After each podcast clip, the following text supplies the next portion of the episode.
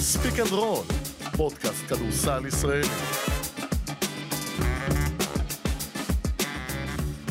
ספיק אנד רול, מהדורת יום שלישי, פעמיים כי טוב, 18 לחודש אפריל, ארבע וחצי אחר הצהריים, ובאופן חריג אני אציין את מספר הפרק, פרק מספר 191, כי זה אומר שאנחנו בספיק אנד רול מתקרבים לפרק ה-200, שזה נקודת ציון מאוד יפה.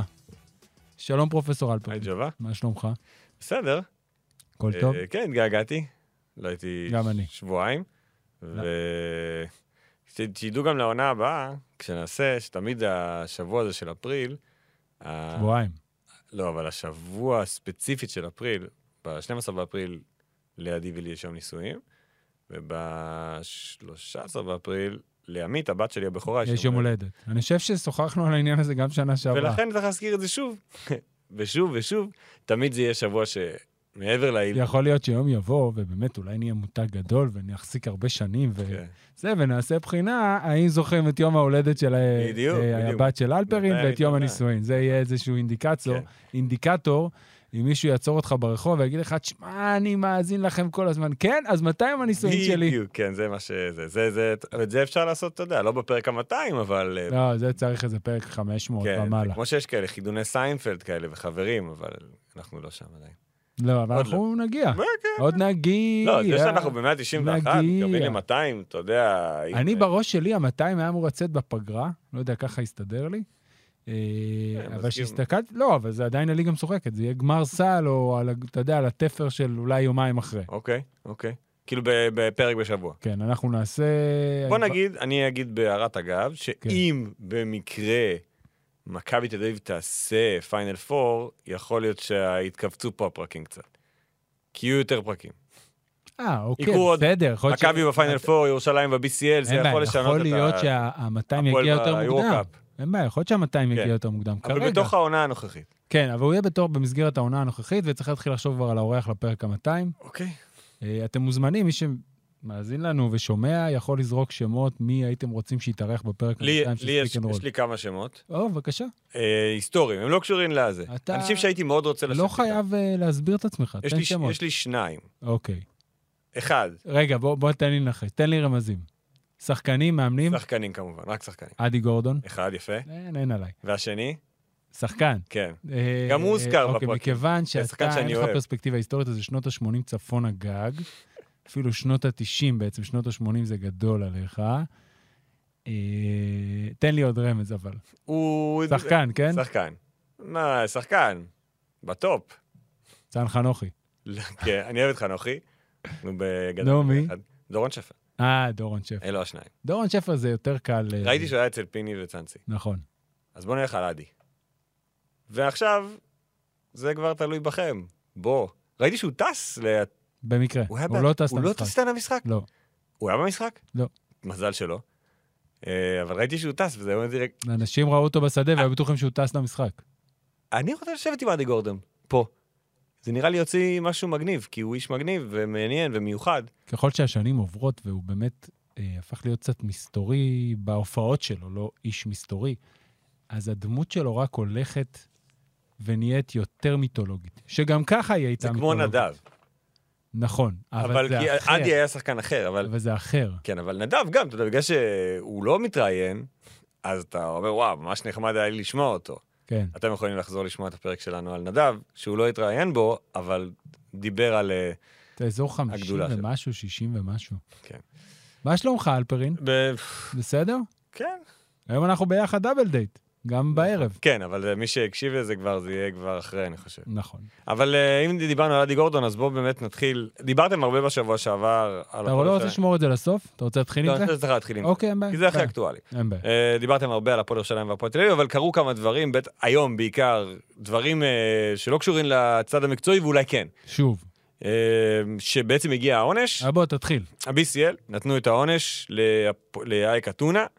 אה, כל העונה הבאה ללא וגם קהל. להפועל ירושלים, שנכנסה ב-3,500, לא זוכר את המטבע, בעקבות זריקת האבוקה. ש- שהאוהדים- פנימה לתוך המגרש. כן. אז זה נזרק מהאתונה אליהם, והם... כן, זרק- אוקיי. כן, קצת סבבה, הזוי. מעולה, ממש לא צריך את זה.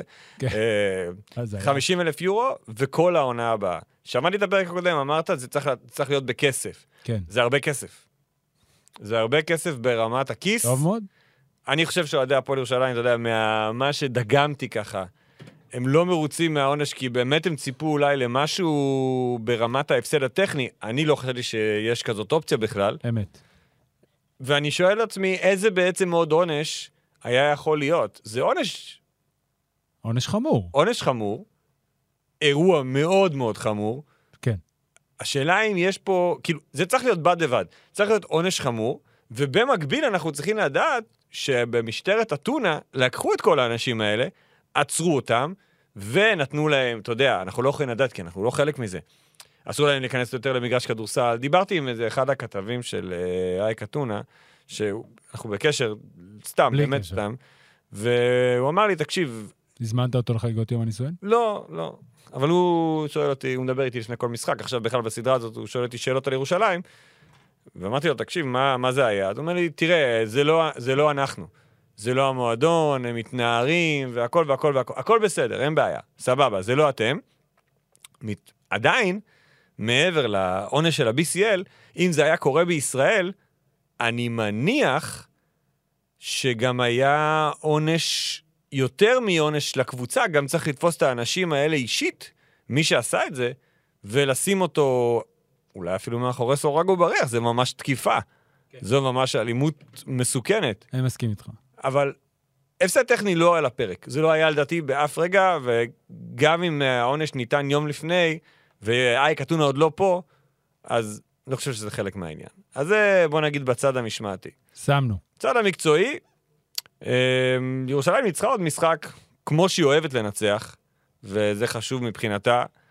ואתה יודע, והס- ואתה מסתכל על ההבדלים בין המשחק הראשון למשחק השני, אז די בולט לעין קודם כל האחוזים מהשלוש של אייק. העובדה שהם שינו את החמישייה שלהם והפכו לקבוצה יותר מסוכנת, כי זה המיילס בעצם משחק בעמדה מספר 4, וגם ה-BCL, כשהם לקחו, הם תמיד מעלים אה, אירועים טקטיים. אז את הטקטיקה שלהם אמרו על איך איזה המיילס משתחרר. אז מה שבאמת היה בולט, זה ש... שקצת רימו ממיילס, ויכול להיות שפה ג'יקיץ', ב- אתה יודע, הוא יודע יותר טוב מאיתנו, שעל מיילס אי אפשר, ל... אי אפשר לצמצם למרכז הרחבה, כמו שהפועל ירושלים אוהבת כדי לסגור את הצבע. יש לי שאלה לא קשורה, סליחה כן. שאני מפריע לך. אחרי שמיילס הסתפר והוריד את הצמות. אוקיי, זה ממש לא קשור. פתח סוגריים, כן, לא, מה לא, אומרים. לא קשור. כן. יכול יכול להיות שהוא דומה קצת לטיישון תומאס? לא התמקדתי בפרצוף שלו, אוקיי. אני אתה יודע, מודה. והת- עם התסרוקת הזאת והמבנה גוף והראש פתאום, ואני לא יודע, היה נראה לי. סליחה, כן. בקיצור, הייתי צריך לחלוק את זה עם מישהו. בסדר, בסדר, אין בעיה. בדיוק פה זה המקום, זה מקום בטוח. סיפרתי לבן שלי, הוא לא זרם איתי על זה. לא? לא. אוקיי. כן, אה, תמשיך. אז גם ונג וגם מייריס בשלשות שלו, הלכו לאמצע, כי, למרכז הרחבה, כי זה בעצם מה שהפועל ירושלים עושה, היא סוגרת את הצבע, ואז מיילס נשאר חופשי. ומבין השחקנים שאסור להשאיר חופשי, זה מיילס. אבל זה היה חלק מההכנה הטקטית של הפועל ירושלים, כי אה, אני- אתה יודע איך אני יודע, לא שאני... זה, אמר ג'יקיץ' בריאיון לפני משחק לגיל כן. ברק, שיש שני שחקנים שאסור לעזוב אותם ברמת הקאצ'ן שאתם מקבלים. הוא ציין את קני וויליאמס, ש- גיבור המשחק הראשון כן, שהוא מבחינת נעצר לגמרי התמונה, במשחק כן. השני. ואיזה המיילס, זה השניים שהוא הזכיר גם. ולכן אותה טעות של ונה שאתה מדבר עליה, הזכרנו אותה בפרק הקודם, היא הייתה מאוד מוזרה, כי הייתה מנוגדת, נראה לי. אולי זה קשור להוראות. באמת למה שקרה שם, ולאווירה. כן, זה והעובדה שזה- ברור, לא, לא, אני לא נכנס לזה. בסוף הפועל ירושלים קיבלה 94 נקודות, שזה לא רלוונטי, שזה לא... אין לזה כמעט אח ורע העונה. הנתונים שלה בהתקפה השתפרו מהמשחק הראשון. בכל המדדים היא עלתה, חוץ מהעונשין. חוץ מהעונשין.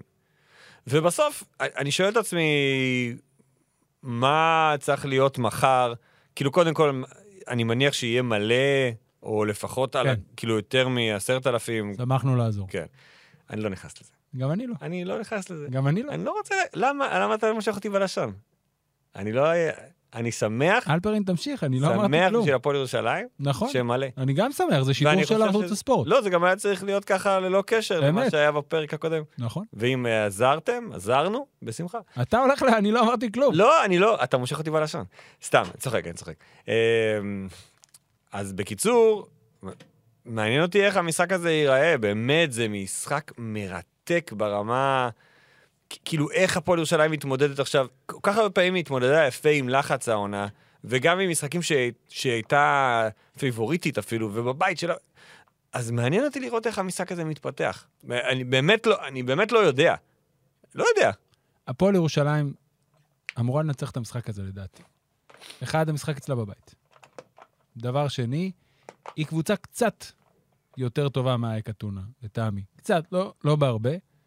היא צריכה למצוא דרך להתגבר על שני דברים, ואני לא רוצה לחזור יותר מדי על הפרק הקודם. אחד, לנסות להכניס את זאק הנקינס לעניינים. כן, ברור. לא בטוח שהיא תצליח, אגב.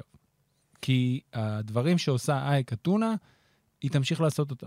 אני לא בטוח שיש להם פתרונות. והדבר השני, זה לעשות את הדברים שהיא עושה טוב הגנתית לאורך עונה שלמה, ועבד לה גם במפגש הראשון, ואם המשחק הזה בגדול ילך לאותם קצבים ואותם מספרים, אז הפועל ירושלים צריכה לנצח את המשחק. אני אגיד משהו על אייק, ואמרתם את זה גם בפרק הקודם, אבל זה חשוב, שבתשעת משחקי החוץ האחרונים שלה במפעל, היא הייתה בפיגור במחצית, ובארבעה מהם היא הצליחה לנצח. שלוש פעמים שהייתה בפיגור 20 הפרש. אז גם, אם, את- גם, גם במשחק הראשון הביא לירושלים 20 הפרש Queen of ברבע the הראשון. Comebacks קוראים לה באתר ה-BCA. קוראים לה The Queen באופן כללי. כן, אה, Queen of כן. Comebacks.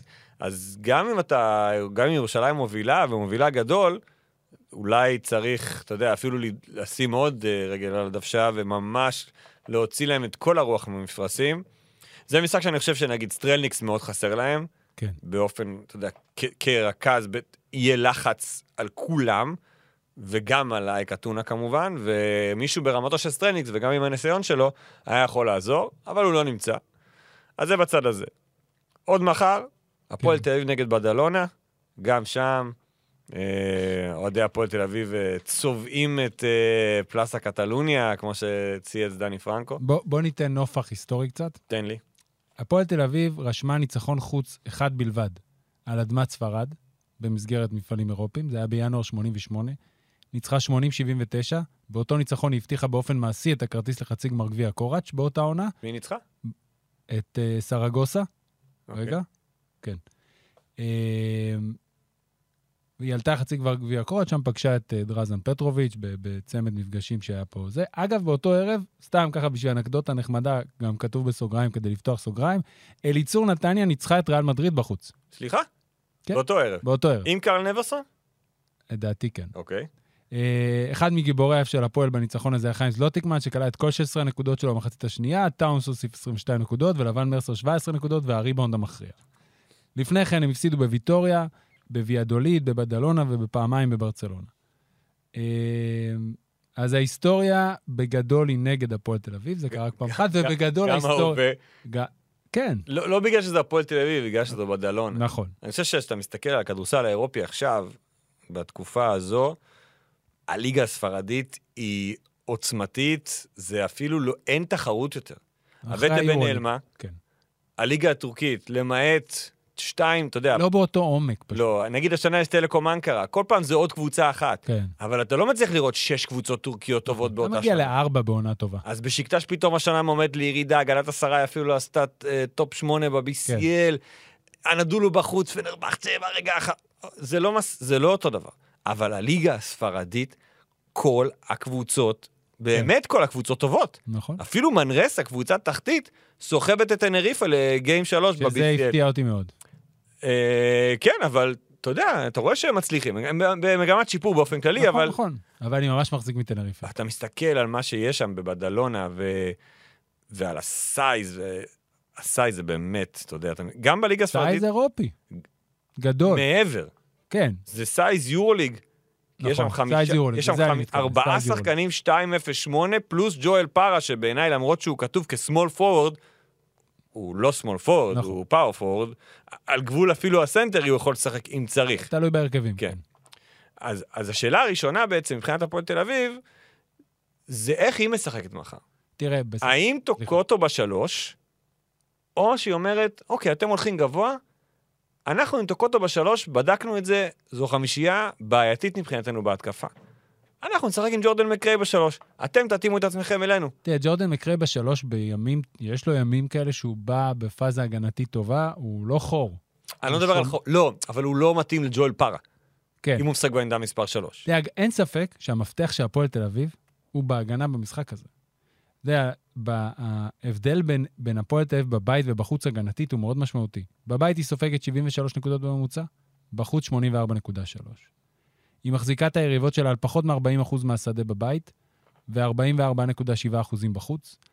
היא סופגת 30% ל-3 בבית, 35% בחוץ, שזה עוד סביר. לא יותר מדי שלשות, 10 בחוץ, 9 בבית. היא כופה אה, שתי, 15 עיבודים על היריבות בבית, ש- פחות מ-13 בחוץ, ויחס הסיסטים עיבודים שהיא מצליחה לגרום ליריבה, בבית הוא 1 ורבע, שזה נהדר. זה הכל, אה, אתה יודע, פועל, פועל יוצא של, איך ש- של האווירה בא- באולם. נכון. והפועל תל אביב נתנה כמה משחקים הגנתיים טובים מאוד ביורו-קאפ, אבל כולם היו בבית. גם בחוץ שהיא כמעט ניצחה במחזור השני, לדעתי זה היה בגרן קנריה, זה היה 85-83. משחק שלה, אז זרקה אותו בסוף. סתם, כן, סתם זרקה. זה היה, היא לא זרקה, זו פשוט הייתה עייפות כן. של ג'קובן בראון. זה היה לפני עוד שג'ורדן מקרה כבר נכנס לעניינים, ושם ג'קובן בראון נתן להם את היתרון, וברגע שהוא התעייף, זה נגמר. אז המפתח של הפועל תל אביב תהיה בהגנה. עכשיו, דיברנו על הסייז והגודל של אה, בדלונה.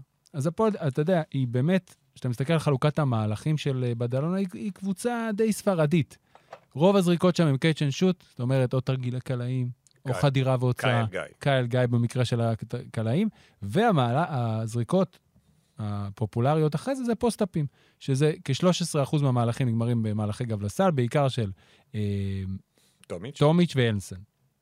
נכון? אמרתי בסדר? אילונסון? אלונסון. כן. זהו, אז לא זכרתי אם זה חולם או השוואה. ו...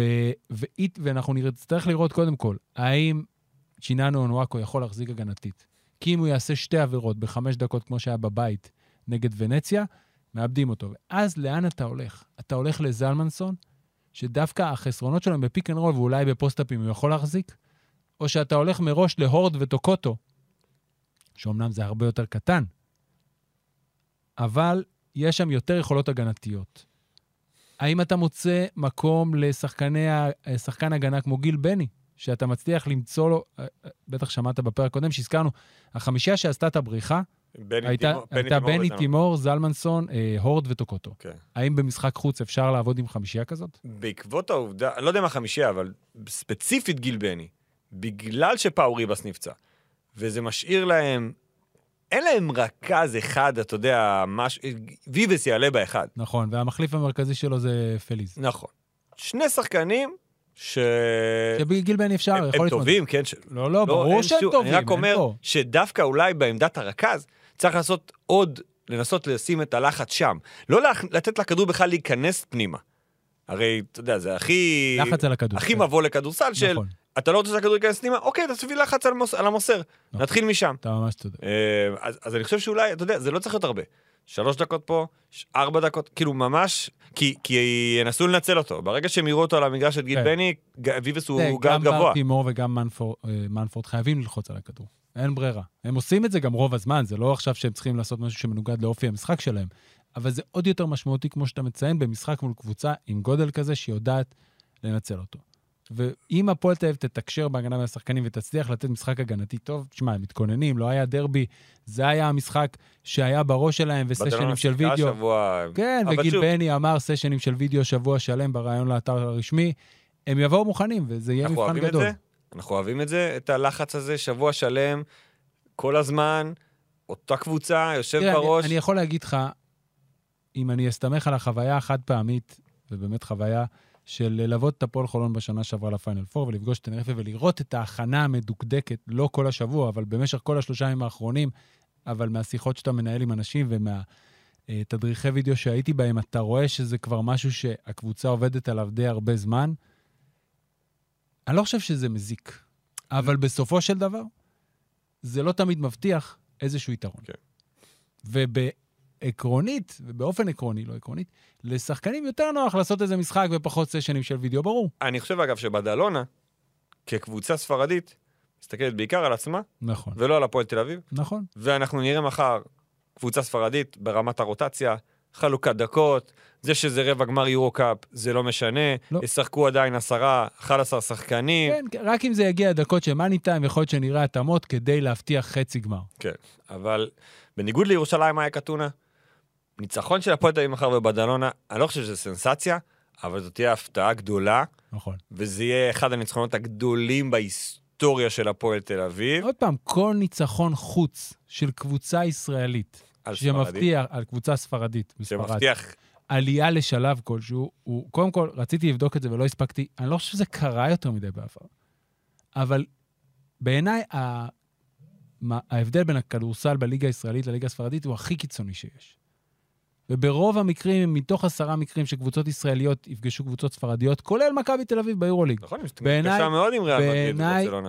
שמונה פעמים תנצח הקבוצה הספרדית. ולכן, ב- זה על גבול הסנסציה.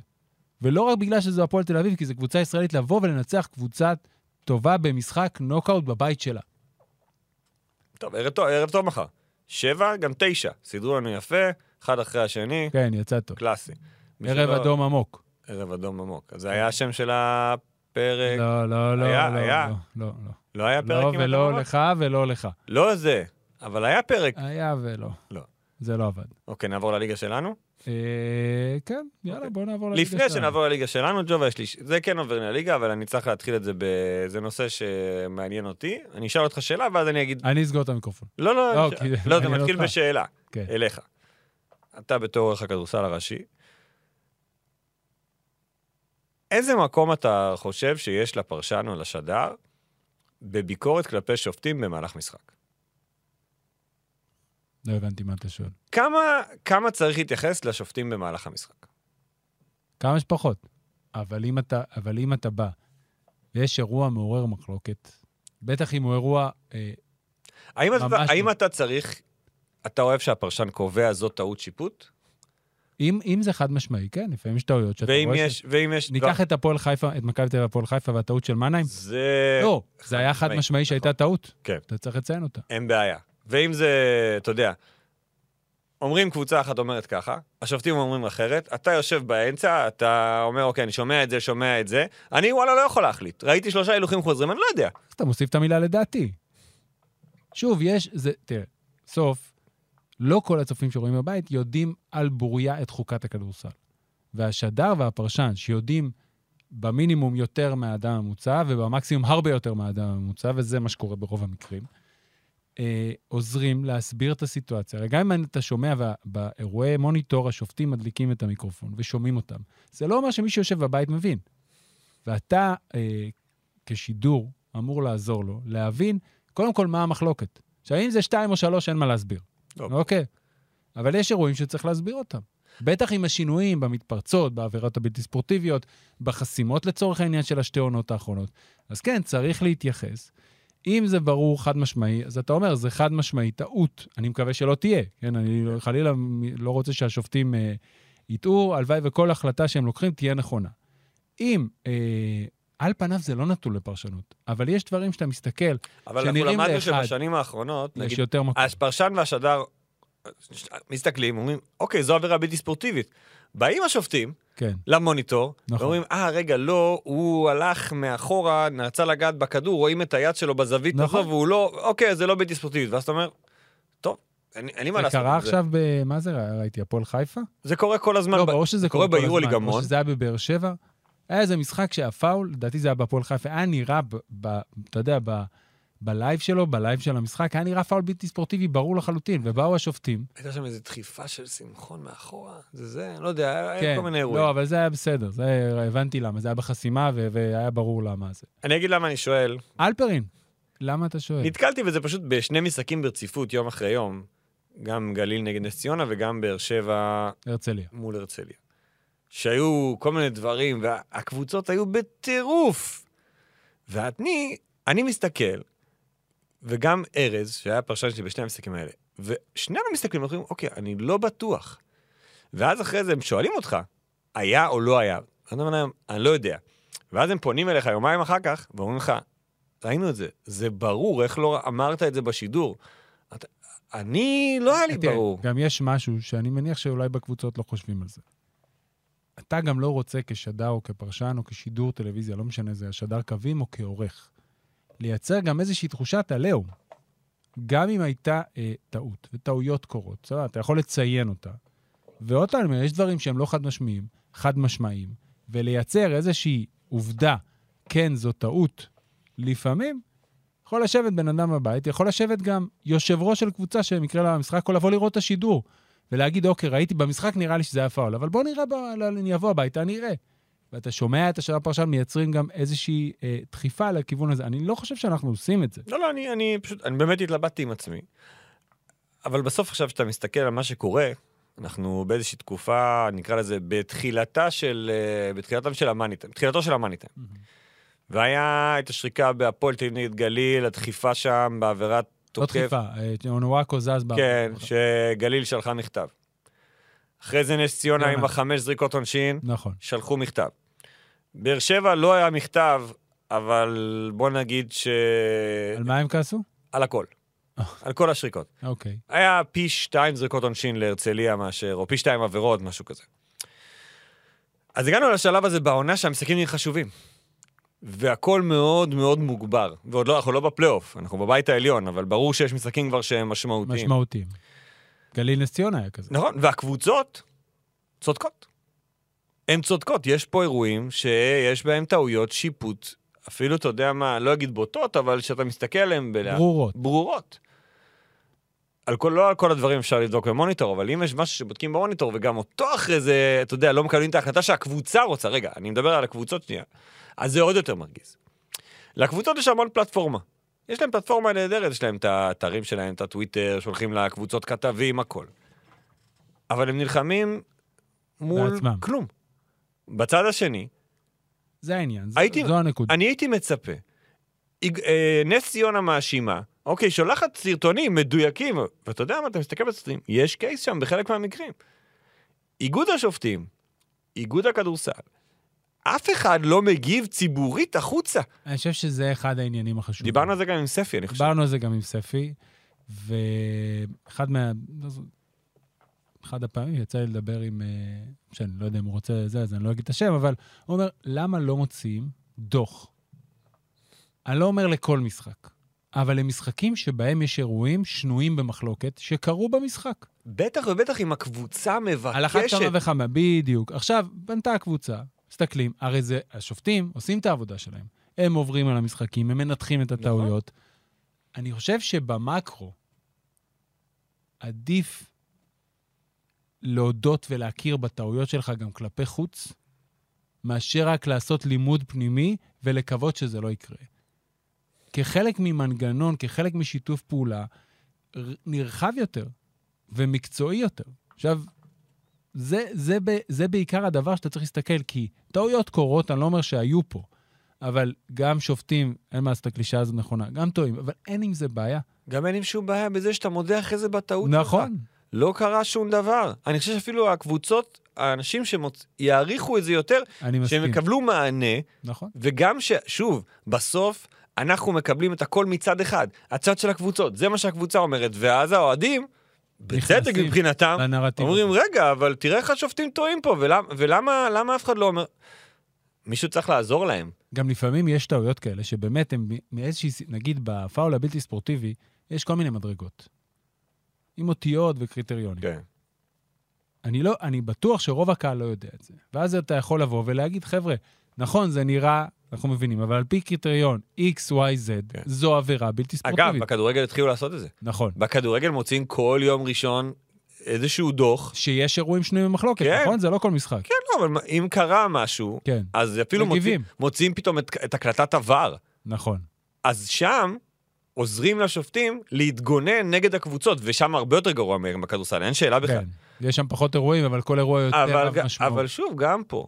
אני לא... שוב, יש דוח שתי דקות אחרונות, זה אירוע אחד, זה צריך להיות כל משחק. כן, ויש דוח אירועים מיוחדים. הקבוצ... במשחקים חשובים, לא כל משחק הקבוצות יבואו ו... ויבקשו זה, ויש גם, אתה יודע, עניין של שיקול דעת. כשיש מהלך של חמש זריקות עונשין באותה התקפה, אז הייתי מצפה ממישהו רגע, שיז... החמש היו, אחד, על הפאול הבלתי ספורטיבי, טכנית, טכנית לאלעד חסין, ו- והרחקה. ועל ה- ועל ועל ההרחקה. אוקיי, אגב, אני שאלתי את זה, את אה, מנהיים במגרש, אמרתי לו, רגע, אבל ההרחקה זה הרחקה? לא טכנית בעצם? הוא אומר לי, לא, הרחקה אוטומטית? אה, כי הוא זה שתי הרחיק אותו זריקות. אוטומטית. אוקיי. אז אני רוצה ש... נכון, הוא עשה ישר ככה. עשה ישר ככה. כן. אני פספסתי את זה, ואז בריפלי הראו את זה. כן, נכון. והם, הס- הם, אתה יודע, במגרש היה... הס- הם- הדבר היחיד שבעיניי היה קצת שנוי במחלוקת באירוע הזה, העבירה של ביוקנן, זה העבירה של המקורית. ביוקנן. אה, שהתחילה את כן. נס כל ציונה הסיפור. הולכת אחורה לעבירה של לוטן, אבל על העבירה הזו אין מה לעשות. עם זה אין מה לעשות, פספוס, פספוס. בביוקנן הם הלכו למוניטור, כן, כן. והייתי רוצה שמישהו יבוא ויגיד בהסבר, תקשיבו, הוא עצר במקום, לא יודע מה, ביוקנן עושה תנועה של דחיפה, מבחינתנו אין פה אחד שיקול דעת, אגב, לדעתי... זו עבירה בלתי ספורטיבית. לדעתי אישית זה לא בלתי ספורטיבי. גם אני לא אני בטוח שהייתה עבירה גם אני בכלל. חושב, אבל מגע... אבל אני- אני לא שופט, ברור, גם אני לא והייתי רוצה שופט. לדעת מה השופט ששפט במשחק אומר, ולא רק במשחק, שוב, זה לא שהוא גם, או, תראה, במקרה הזה ממש שומעים אותם מסבירים, זה לא העניין, אתה אני מבין. חושב שהמוניטור לא היה פתוח. המיקרופון לא היה פתוח ב- באירוע אוקיי. הזה. זה- זה שארז אמר לו, תפתח... את כן, ה- כן. אוקיי.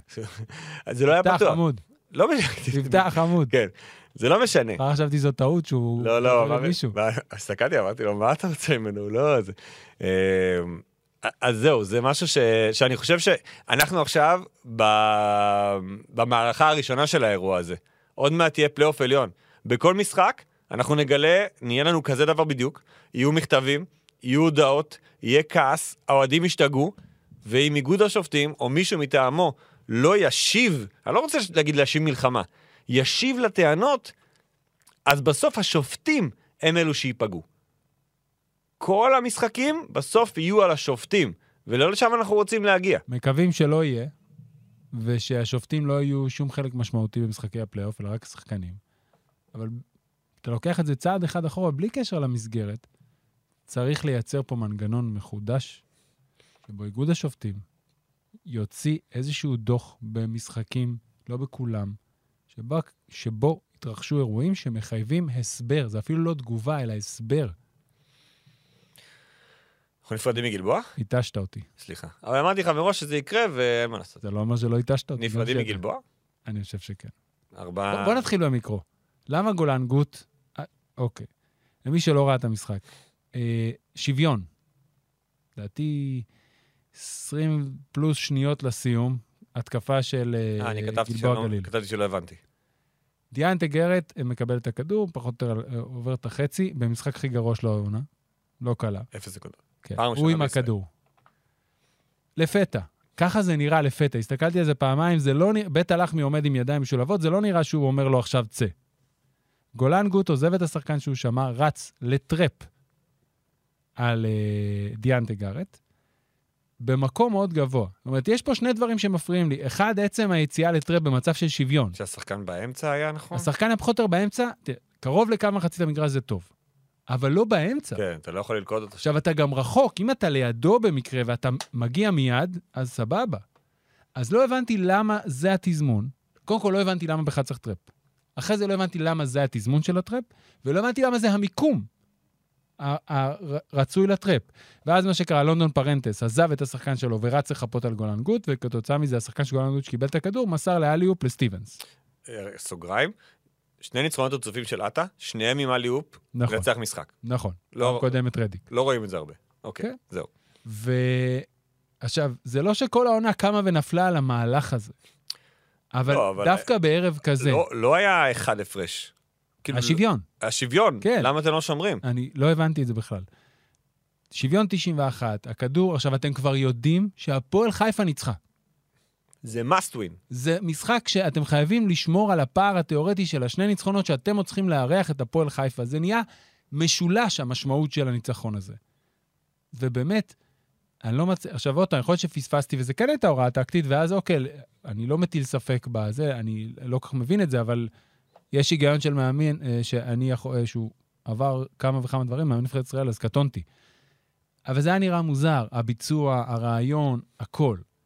ועוד אחרי זה עוד, עוד כמעט איכשהו הצליחו לנצח. את כן, המשחק הצליחו הזה. כמעט ל- לנצח.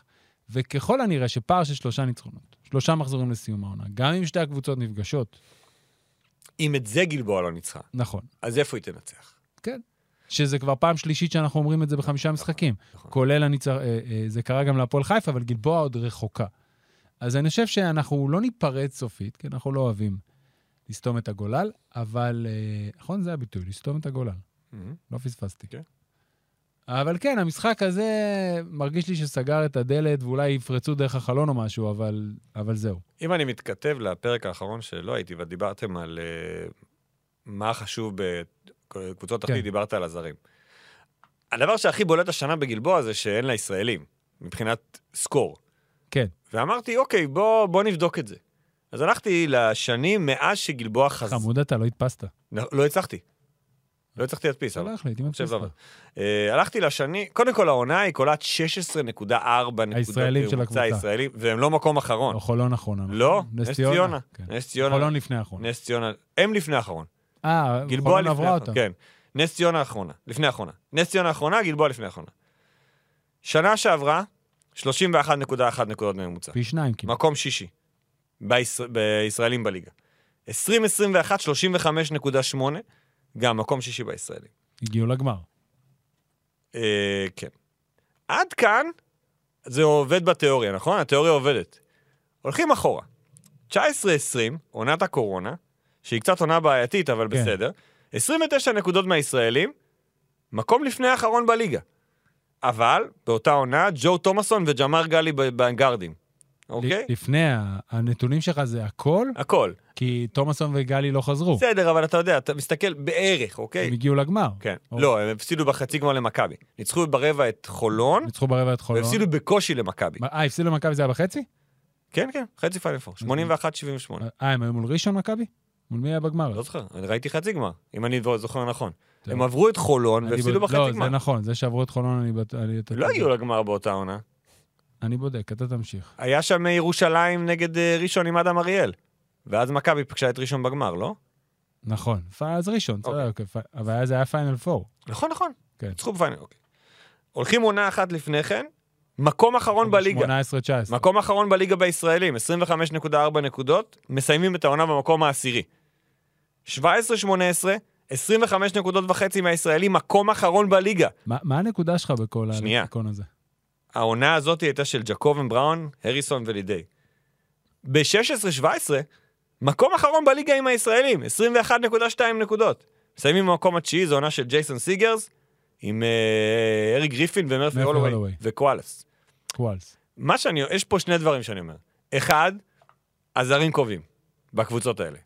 כשגלבוע פגע בזרים, היא הצליחה להגיע למקומות טובים. נכון. כשגלבוע לא פגע בזרים, אז היא לא מצליחה, והשנה היא לא פגעה בזרים. שתיים, אנחנו היינו תחת הרושם בשנים הללו שגלבוע הוא מקום טוב לישראלים לגדול בו ולצמוח.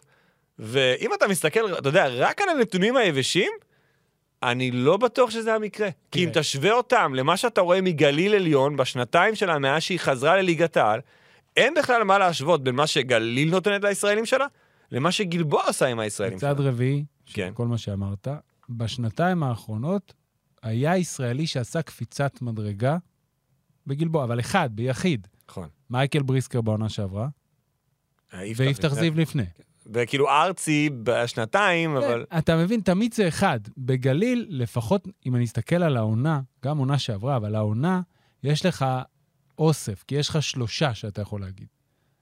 אתה יכול להגיד על מושקוביץ, אבל זו עונה שנייה שלו. זה לא משנה לא. איזה עונה זו שלו. נכון, מושקוביץ, לוטן, וגם יעל מלמד מבחינתי. אני לא יודע אם אלעבד יש לו לאן לקפוץ עכשיו. אולי זה המקסימום שלו. לא, אני אומר, אתה הוא- צודק. הוא- בסדר, הוא לא הראה עדיין את ה- את מה שהם מחפשים, נגיד, ללכת לעוד שלב בכדורסל. נכון. אז בגלבוע זה תמיד היה אחד שעשה קפיצת מדרגה. הרי לפני זה היה להם את הבסיס של שוחמן לפני שהוא עזב. מזכיר לך. כן, אבל גם עם שוחמן, אתה רואה שהנקודות ישראלים לא היו בשמיים. נכון, זה בסוף אחד שהוא דומיננטי ומצטרף לארבעה זרים דומיננטיים. ובגלל זה הרבה פעמים הקבוצות הן הן קבוצות תחתית. אז אני לא... אז האם להגדיר את גלבוע כחממה זו הגדרה לא נכונה? זה מאוד תלוי. את האמת שמה שהיא באמת זה חממה לגר... לזרים צעירים ומבטיחים, מה שהיה שם עם אה, אריאל ועידן אה, אוסטרייק, שהם הצליחו להביא זרים כן. ממש טובים, כמה שנים ברצף. לא בהכרח צעירים, אבל כאלה שעוד לפני הקפיצה, או שמחפשים איזשהו מקום להשתקם. אבל ברמה הישראלית, העונה הזו היא לא כזאת אנומליה. אני לא חושב שהם באמת יכולים ל- להיחשב כחממה, אבל הם כן נותנים הזדמנויות בגלל, קודם כל, בגלל העובדה שאלה תמיד היו ארבעה זרים. בניגוד לעונה, כן. כן. היו חמישה זרים, כן. כן. אז ארבעה זרים נותנים יותר מקום לישראלים. כבר דיברנו על זה 200 פעם. וגם לא בהכרח, אתה יודע, זה שישראלים לא קולים זה לא אומר שהם לא, לא. חשובים, כן? זה- אבל... לא, לא ניכנס לדיון הזה. ולכן היה שם מקום לבניה סרור, והיה שם מקום לעוד הרבה שחקנים שהצליחו לתרום לאורך השנים, גם אם הם לא היו זה, והם הם קיבלו את ההזדמנות, נקרא לזה הראשונה, להראות שהם שחקנים לגיטימיים בליגת העל. זה כבר עוד די דייט בק ל-2016, אני לא זוכר אם הגעת לשם, שרפי מנקו הלך וירד ליגה עם, אה, עם גלבוע גליל. אבל הוא היה שחקן חמישייה, והוא כלה בדו-ספרתי. אז כן היה שם מקום, בגלל שמעבר לארבעת היש- הזרים, המקומות היו של ישראלים, וכמעט תמיד היה לך לפחות שחקן אחד או שניים, שחקני בית, ממחלקת הנוער של גלבוע מעיינות, או אה, שוחמן, שוחמן וסרור, והיה עוד מישהו. השנה אמור להיות ניב למפרט, אבל הוא נפצע וכאלה. ותמיד היה אחד בית, אם לא שניים בית, ועוד אחד שבא לקבל את הדקות, ותמיד זרח, זה היה אחד. אבל היה להם מקום. היה לך רוטציה של תשעה שחקנים, זה אומר שחמישה ישראלים מקבלים דקות. ולכן זה כן נתפס כחממה. אגב, שלא י- יישמע ממה שאני אומר, מחלקת הנוער של גלבוע מעיינות היא מדהימה. מדהימה, לא, זה לא קשור. ו- וזה הדבר שהכי חורה פה בזה שגלבוע הולכת לרדת ליגה. ש- לא, לא שזה שם, אה, סוגר את המועדון או משהו, בסדר, גלבוע כבר ירדה וחזרה. וחזרה, למרות שאנחנו רואים עכשיו בליגה הלאומית שמאוד מאוד קשה לחזור. עם זאת, שתי עולות, זה אופציה יותר טובה. ירדה עם אריאל בית הלחמי, תרד גם השנה אולי, עם- כנראה עם אריאל בית הלחמי, השאלה אם היא תחזור איתו שאלה טובה. שנה הבאה. האם מאמן נבחרת ישראל יכול לאמן קבוצה בליגה הלאומית? מאיזו בחינה? ברמת הנראות. זאת אומרת, אתה תבוא להגיד- לאריאל בית הלחמי, תגיד לו, תשמע, זה לא נראה טוב. לא אני, אני לא קשור לא אליי. אתה, אתה. אה. אתה- אתה טוען שאיגוד הכדורסל, אני שואל, אני- לא יודע. אני רק רוצה להבהיר שזה מה שאתה שואל. כן. שאיגוד הכדורסל, האם איגוד הכדורסל צריך לבוא לאריאל בית הלחמי ולהגיד לו, תשמע, אתה לא יכול לאמן בליגה הלאומית. קודם כל, הוא לא יכול להגיד לו, אתה יודע מה, אני לא יודע. אני שואל. כי הוא כן. אני- תחת אני חוזה מתרגם גם את פה השאלה ש- וגם פה. יש לו חוזה? אני לא יודע. באיגוד הכדורסל כן. ב- בגלבוע יש לא, לו חוזה? לא יודע, אוקיי. לא יודע. אבל אם נגיד יש לו חוזה. הרי אם הוא היה נשאר ליגה, לא הייתה שאלה בכלל, נכון? הוא ממשיך לאמן ו... ברור. לא יודע אם זה בסדר, אבל הוא ממשיך לאמן. כן. ועכשיו, אם הקבוצה יורדת לליגה הלאומית, אז הוא... אולי הוא כבר בא ואמר לפני כן, חברים, אני בלאומית לא נשאר. יכול להיות, גם יכול להיות, גם יכול להיות. גם יכול להיות. יש... אבל אה, גם, אופציות יש. העניין הוא זה, אם נגיד הוא אמר שהוא נשאר בלאומית, מה שאנחנו לא יודעים שנינו במקרה הזה, הוא לא יעזוב אותם כי הוא התמנה למאמן נבחרת. נראה לי, אני לא יודע. אני מנסה לחפש, אני יודע... אמ, מה, ראיתי- תקדים? יש איזה... אני זוכר שעשיתי את הרשימה של המאמנים. נכון, אז היה מאמן אחד, אחד. לדעתי, שאימן בליגת המשנה באיזה אחת מהמדינות. נכון. לא זוכר- משהו... לא זוכר איפה, אזור הפינלנדים. לא זוכר איפה, אבל זה היה. כן, זה- זאת תהיה בעיית נראות. כן. אגב, יש רשימה של הקבוצות, יש תאריכים לטורניר הקדם-אולימפי, פורסם היום. בעיה גדולה שהקרואטים נכנסו. נכון, הקרואטים נכנסו במקום בריטניה שוויתרה. ויתרה. אוקיי, אנחנו מדברים בסוגריים פה, טורניר הקדם נכון. במקום אולימפי, רוסיה נכנסה... בולגריה, כן. וזנקוב. הטורניר הקדם קדם אולימפי, שבעצם היום פרסמו את השמות של ה- את רשימת הנבחרות, אנחנו חלק, אז יש- כבר דיברנו על הטורניר הזה, כן, כן. ודיברנו מתחיל- גם על איך עכשיו שהוא- אנחנו יודעים שהוא מתחיל ב-12 באוגוסט ונגמר ב-20 באוגוסט. אבל שוב, לא עוד ידענו שקרואטיה תהיה בו, וברגע שקרואטיה נכנסה במקום בריטניה, זה אומר, לא שאני חושב שהקרואטים הם כזאת נבחרת גדולה אבל כרגע, נבחרת טובה כן, אני לא יודע מה יבוא. ביחס לישראל. אני לא יודע אם אתה מביא, תראה, אתה גם מביא את אנחנו- לזוניה? מאז שאנחנו דיברנו, גם היו דיווחים ופרסומים שדני אבדיה לא יהיה בקיץ. לא יהיה. ש- לא טוב לא. לנו, זה פחות טוב לנו. אה, אני לא יודע כמה זה מתואם עם נבחרת ישראל, כי זה היה ברעיון האקסיט שלו, כאילו ברעיון כן. סיום העונה. אה, זה לא משהו שאנחנו אמורים לקבל. לצערי אני אומר את זה. אה, מה זה, מה, לא הבנתי. כאילו, זה- זה בעיה בשבילנו. אה, ברור אין שזה. אין לנו הרבה- הרבה מאחוריו. נכון. אבל אני לא חושב שזה קרה בעבר, גם באליפויות אירופה. נכון, לא טורניר קדם קדם אולימפי, אלא באליפויות אירופה. עם אה, גל מקל, נכון, עם נכון. עמרי כספי. קרה. ו... האם זה קרה בשנה רביעית של שחקן ב-NBA? כי זה קרה לכספי מה זה- לדעתי, מה זה מה זה היה... משנה? זה כאילו, אתה יודע, יש לו מקום, ביסס את עצמו. אבל זה קרה גם שזה לא הייתה עונה ראשונה. כספי, לדעתי, פספס את אליפות אירופה, אני רוצה לומר 2011, אני לא סגור על זה, אבל אני רוצה לומר, אליפות אירופה 2011. זה בין השנה השנייה לשלישית שלו. שזה היית, כן, שוב, הייתי רוצה לראות את דני. ברור. אה, אני חושב שזה חשוב גם לדני. אני חושב שזה חשוב שהוא יתחבר לנבחרת הזו, כי ביורו-בסקט הוא לא התחבר. ב- לא, הת- זה לא... גם היה את הבעיה ב- עם הקורונה שלו לפני הטורניר. כן, כן, כן. אז טוב, זה- אנחנו עוד נחזור לנבחרת, אין טעם עכשיו אה, לדון. אני לא רוצה... אבל אתה לא- יודע מי היה טוב בכל החלונות בנבחרת? איזה יופי, איזה חיבור נהדר, ג'ורה. נמרוד לוי. לא. כן, נמרוד לוי. ואני רוצה לשאול אותך, כן. אלפרין עודד הידוע בכינויו פרופסור, אה, כן. האם לנמרוד לוי יש עונה יותר טובה מהעונה שעברה? האם יש לו עונה טובה באופן כללי? בוא נדבר מספרים. כי אני לא מצליח לפענח את העונה הזאת שלו, אני מוכרח. בוא אני נדבר- גם הבאתי בוא מספרים. נדבר יאללה, מספרים. אתה תתחיל. קודם כל, הוא קולע עשירית נקודה יותר מהעונה שעברה, אמת, שזה הנתון השני הכי גבוה שלו בקריירה אחרי העונה באשדוד. נכון. 36% משלוש, שיא קריירה. אמת. למעט אה, העונה במכבי, אני לא מחשיב אותה כי הוא שחק מעט. 7.6 ריבאונדים, שיא קריירה. בוא הוא, ניתן י... עוד כמה הוא מספרים. מאוד מאוד יציב אוקיי, מבחינת המספרים שלו. אוקיי. אני רוצה להוסיף לך עוד. קודם כל, הוא עלה בקטנה, זה ממש אה, לא עילה לתביעה, אה, בעבירות בממוצע שהוא מבצע. הוא מבצע 3.3 עבירות העונה לעומת 3.1, שזה מינורי. כן. אה, הוא סוחט אבל עוד חצי עבירה. העונה הוא זורק יותר לשלוש מהעונה שעברה. גם שיפר את האחוזים וגם זורק יותר. והוא קולע פחות טוב בצבע. שנה שעברה הוא קלע אה, בליגה 59% בצבע, השנה הוא קולע 52% בצבע. עכשיו, מבחינת, אה, לפני שניכנס רגע לפילוח המהלכים, 16 מחזורים ראשונים בעונה, הוא רק ירד שלוש פעמים מדו-ספרתי, זאת אומרת, קלע בחד-ספרתי שלוש פעמים, אבל קלע רק פעם אחת מעל 20 נקודות. אוקיי. בשבעת המחזורים האחרונים, זאת אומרת, סוף העונה בואך הבית עליון, הוא כלא עוד פעם שלוש פעמים בחד ספרתי, אבל מתוך שבעה משחקים. לעומת זאת, היו לו פעמיים מעל 20 נקודות. זאת אומרת, הממוצעים הם לא רחוקים. ואז אתה הולך לחלוקת מהלכים שלו, אז עדיין המהלך שנמרוד לוי עושה הכי הרבה, אה, סוג הזריקות, לא המהלכים. סוג הזריקות שנמרוד לוי זורק הכי הרבה הם catch and shoot. ה- ההבדלים הם מינוריים בעונה שעברה, הלכתי בכוונה רק ליגה, כדי שקנה המידה יהיה שווה. וגם בעונה שעברה הוא עשה פחות או יותר את אותה אה, כמות זריקות בפוסט-אפ כמו העונה. זאת אומרת, העונה הוא ירד טיפה, אבל באיכות הוא, הוא, הוא, הוא הרבה פחות טוב. שנה שעברה הוא רשם, גם זה לא גבוה, אבל עדיין מפוסט-אפים 0.86 נקודות בממוצע לפוזיישן, שנה הוא ירד ל-0.73. זאת אומרת, הוא מסיים פחות טוב בצבע. אבל זה גם אולי עניין של הפרטנר שלו. שנה שנה שעברה היה גבי צ'צ'שווילי ביותר וברייס. דקות, וברייס, ועכשיו זה ברייס ולנגסטון. כן. שזה יכול להיות שסותם לו את הצבע ומקשה עליו, וזה משהו שאני לוקח בחשבון.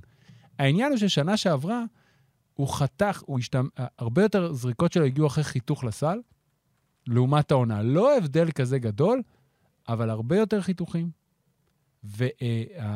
והנקודות הפוזיישן הרבה יותר גבוה, גבוהים. אבל זה, אני גם חושב שמתקשר לעובדה מי הגבוה לידו. כמה ולכן- עונות יציבות היו לנמרוד לוי ברצף? תראה, הוא עונה שלישית אה, דו-ספ- ממוצע דו-ספרתי בליגה בשלוש עונות רצופות, סבבה. שזה ארבע בחמש שנים אם אתה מוסיף את העונה באשדוד. זאת אומרת, אחרי אשדוד הוא הלך לירושלים, נכון? שם הייתה לו עונה פחות טובה, ואז הוא הלך לנס ציונה. אוקיי. זאת אומרת, בארבע... וגם בנס ציונה היה- העונה הזאת הייתה מחולקת ל- לפני בסדר, ואחרי. כן. אבל הוא סיים את העונה עם 10.6 נקודות בממוצע. אחרי הפציעה של טל דן, הוא העלה מדרגה. בסופו של דבר, מתוך חמש עונות אחרונות בליגה, לנמרוד לוי, יש ממוצע דו-ספרתי. תראה, הוא כרגע הישראלי המוביל בליגה מבחינת נקודות. כן.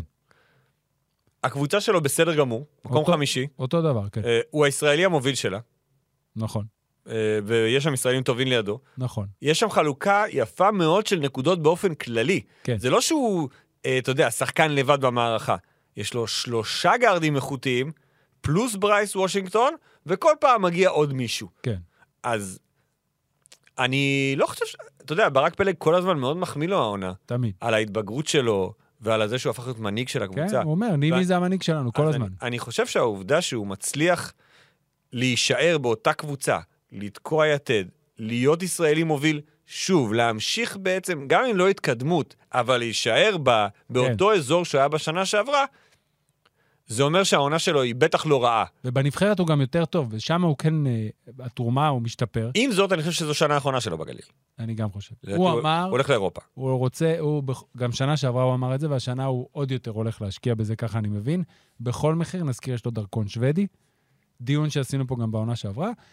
יכול להיות שמה שכן גורם לעונה להיראות פחות זוהרת מהעונה שעברה, זה א', הציפייה. היה השחקן הישראלי של העונה שעברה, ואתה, מצ- והציפייה, והחלק השני שלה, לראות את ההתקדמות. כן. אבל הוא לא הלך לאחור. יש שינויים מינוריים כאלה ואחרים, הם לא כאלה מינוריים, אבל יש שינויים שנובעים גם מאיך שהסגל סביבו, אבל עדיין הוא באמת הישראלי, ככל הנראה, הכי אה, משמעותי בליגה, בשני הצדדים של המגרש.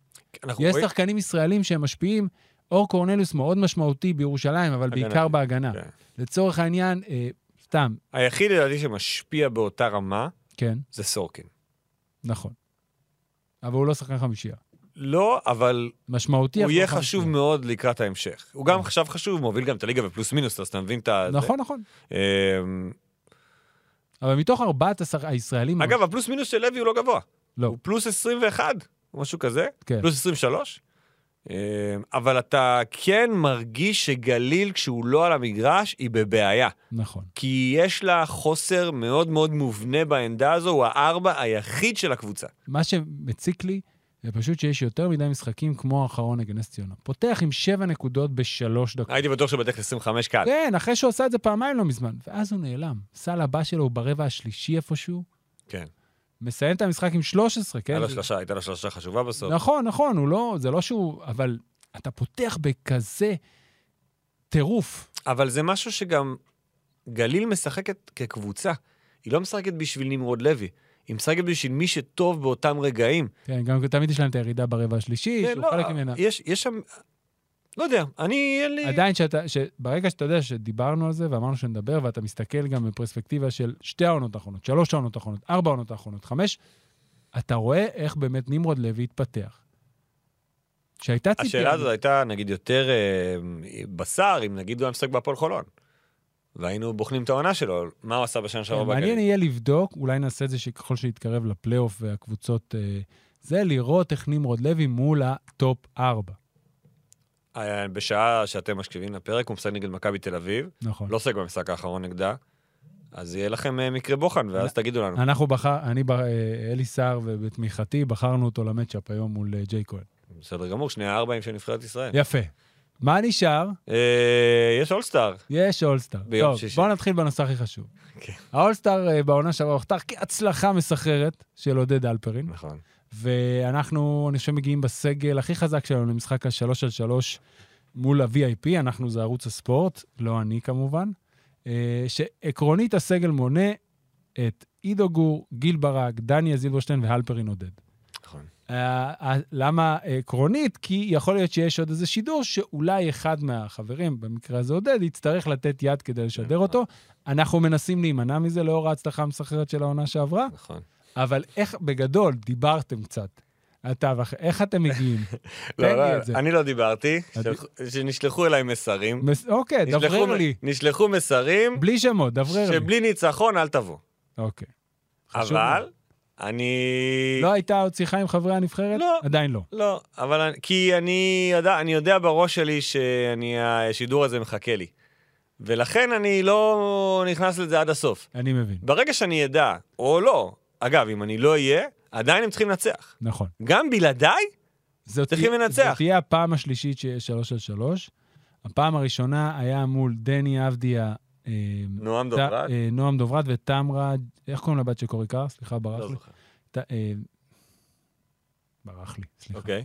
ו- והם כמובן קראו את החבר'ה שלנו. כן. היה איזה שני סלים שהצילו את הכבוד. אה, השנה עידו זה עוד גור. פעם משחק נגד סלבס, כן. לא נגיד מי. לא נגיד, הנה, VIP, VIP. גם אנחנו לא יודעים באמת, כן. כי אנחנו, גם אם אנחנו יודעים, שנה שעברה לא הכרתי אף אחד מהמי ששחק נגדנו. תיארה לוין, תודה רבה, תיארה תודה. לוין. זכרתי משהו לוין ומתחיל בט', רוצה להגיד תמי, אבל יופי, תודה רבה. שנה תיארה. שעברה היה ברק שמיר, נורוז כן, ומייקל לואיס. כן. עכשיו, בר- אני לא הכרתי אף אחד מהם, ולא אה, ברק שמיר.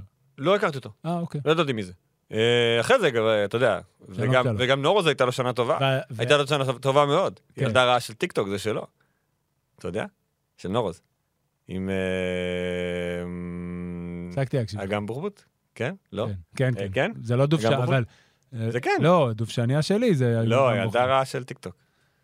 היא של טוקטוק. אתה מדרדר פה את השיח, אתה אתה יודע העלית את שיש זה. ילד... לא, ומייקל לואיס. אגב, מאותה שלישייה, גם מייקל לואיס וגם ברק שמיר עברו פציעות מאוד קשות השנה. וואלה, אה, אז אני קודם כל מקווה שהם כולם בריאים, כן. ואם במקרה אחד מהם יגיע שוב, אז אני יהיה מקווה מעניין. שהוא בריא גם. טוב, אוקיי, עכשיו אנחנו נעבור, יש אה, שתי תחרויות מסורתיות לכל משחק אולסטאר, גם למשחק האולסטאר בליגת ווינר שלנו.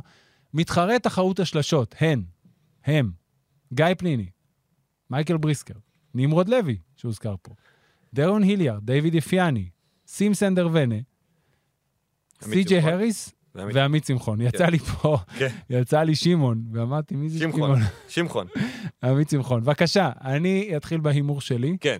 דרן היליארד. אבל אם זה גם ההימור שלי, אז אני אלך על לא ה- תיאמנו מראש. אני אלך על המקום השני, או יותר נכון, מי מי יתחרה מי איתו? יהיו השניים בגמר? אוקיי. אה, כן, אני יודע מי... טוב, השני בוא לא שלי. נאמר נגד גיא. בוא נלך איתו. בוא נלך עם סבבה. גיא. יאללה, בוא נלך בוא עם נלך עם פניני. גיא, סבבה? פניני נגד איליארד, כן. גם זה מגניב, מכבי וזה. כן. אה, ואגב, למה אנחנו כל כך אה, עפים על איליארד? הוא באמת מוביל את הליגה באחוזים, אבל... שני. שני, אחרי ונה.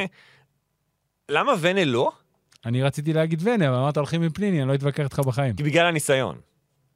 אגב, היה איזה משחק, לא זוכר איזה משחק ליגה, אה, ממש בהכנות, מתחיל, השחקנים עולים לחימום, ויש מצלמה אחת שמצלמת את האירועים מלמעלה, נקראת מצלמת הביוטי, והלכו לכוון אותה. אז היא הייתה באוויר איזה כמה זמן, ואתה רק מסתכל על גיא פניני עומד באיזה עמדה וזורק, ולא מחטיא, ולא מחטיא, ולא מחטיא, ולא מחטיא, ולא מחטיא.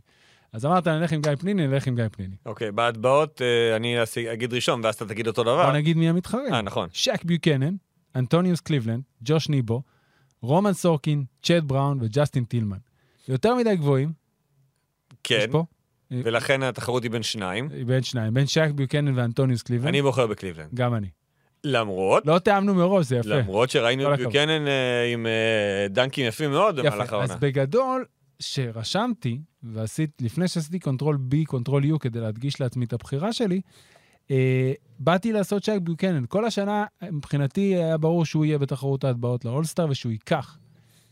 אבל קליבלנד מראה כמה הטבעות, ולמרות שהוא יותר ארוך ויותר גדול, שזה פחות יפה ממישהו קצת יותר נמוך, אה, אני עדיין חושב שבעוצמה שלו שהוא יעשה דברים, מעניין לאיזה דרגה יצירתית. מי- מי בעצם היית יכול להביא מהליגה הזאת שלא נמצא, כביכול להתחרות בתחרות ההטבעות? ב- אה, כי, אתה יודע, אתה חושב על ניבו, מה הוא עושה? ניבו מטביע, ניבו הוא האתלט, עוצמתי, כפ- הוא יכול לשבור את הקפצן- הסל, הכל טוב. הקפצן הכי... הכי... האם הוא יכול להעביר את הכדור בין הרגליים ולהטביע? I don't know. לא חושב. האם יש עוד מישהו שחסר לי? בוא נעבור מה... אפיאני. אפיאני? אה, אוקיי. אפיאני. אין גיים אני לא יודע, אבל אולי בגלל הפציעה אז הוא כן, לא לא כל כך רוצה רוצה גם צ'אנס. להתחרות. כן. כי לא ראינו אותו מרחף כמו שמאז שחזר מהפציעה, אבל אם אפיאני אה, בריא, אז הוא לגמרי שם. כן, אין עוד מישהו ש... אה, פפ, ג'ורדן מקריי? לא... אה, לא נראה לי שהם... אה, אפיאני, אפיאני. אפיאני יש לו הוא... כמה דנקים, וואו. וואו, הוא קופץ גבוה מאוד. כן. אבל אה, אוקיי, קליבלנד והיליארד, אלו הבחירות שלנו, אתם מוזמנים אה, להעביר לנו באיזה- באיזה מוד שתרצו. וזה חזר לפורמט הישראלים נגד הזרים. זה לא היה שנה שעברה? לא, פש- בפעמיים האחרונות נבחרו ישראל, ישראלי וזר מכל קבוצה, ואז היו כוחות, כמו אה, בגרף. נכון, נכון, נכון. שנה אחת היה דני ופלדין, שנה ש... בפעם שעברה היה אה, פניני וג'קובן, הם היו הקפטנים והם בחרו את הקבוצות, והשנה יש חזרו. חמישייה? אני חושב שזה לפי ה... אה, אגב, מי הצטרפ- קיבל הכי הרבה הצטרפו קולות. בולדווין, אה, אוקיי, מי נבחר? נכון, הוסיפו שחקן גולדווין 13. ועוד שחקן ישראלי. מושקוביץ? לא. אה, הצ- תומר גינה. תומר גינה... כמובן. אין, ארד היום חד, אנחנו ממש, בודקים עוד אותו. אחד מאיתנו, תודה ארד. ממך. אני לא, לא, לא, אני באתי חד. טוב, מעניין איך המשחק הזה ייראה. האם ברמה תחרותית? לא. האם- לא. לא, כי כי האולסטאר של ה-NBA לא היה טוב השנה.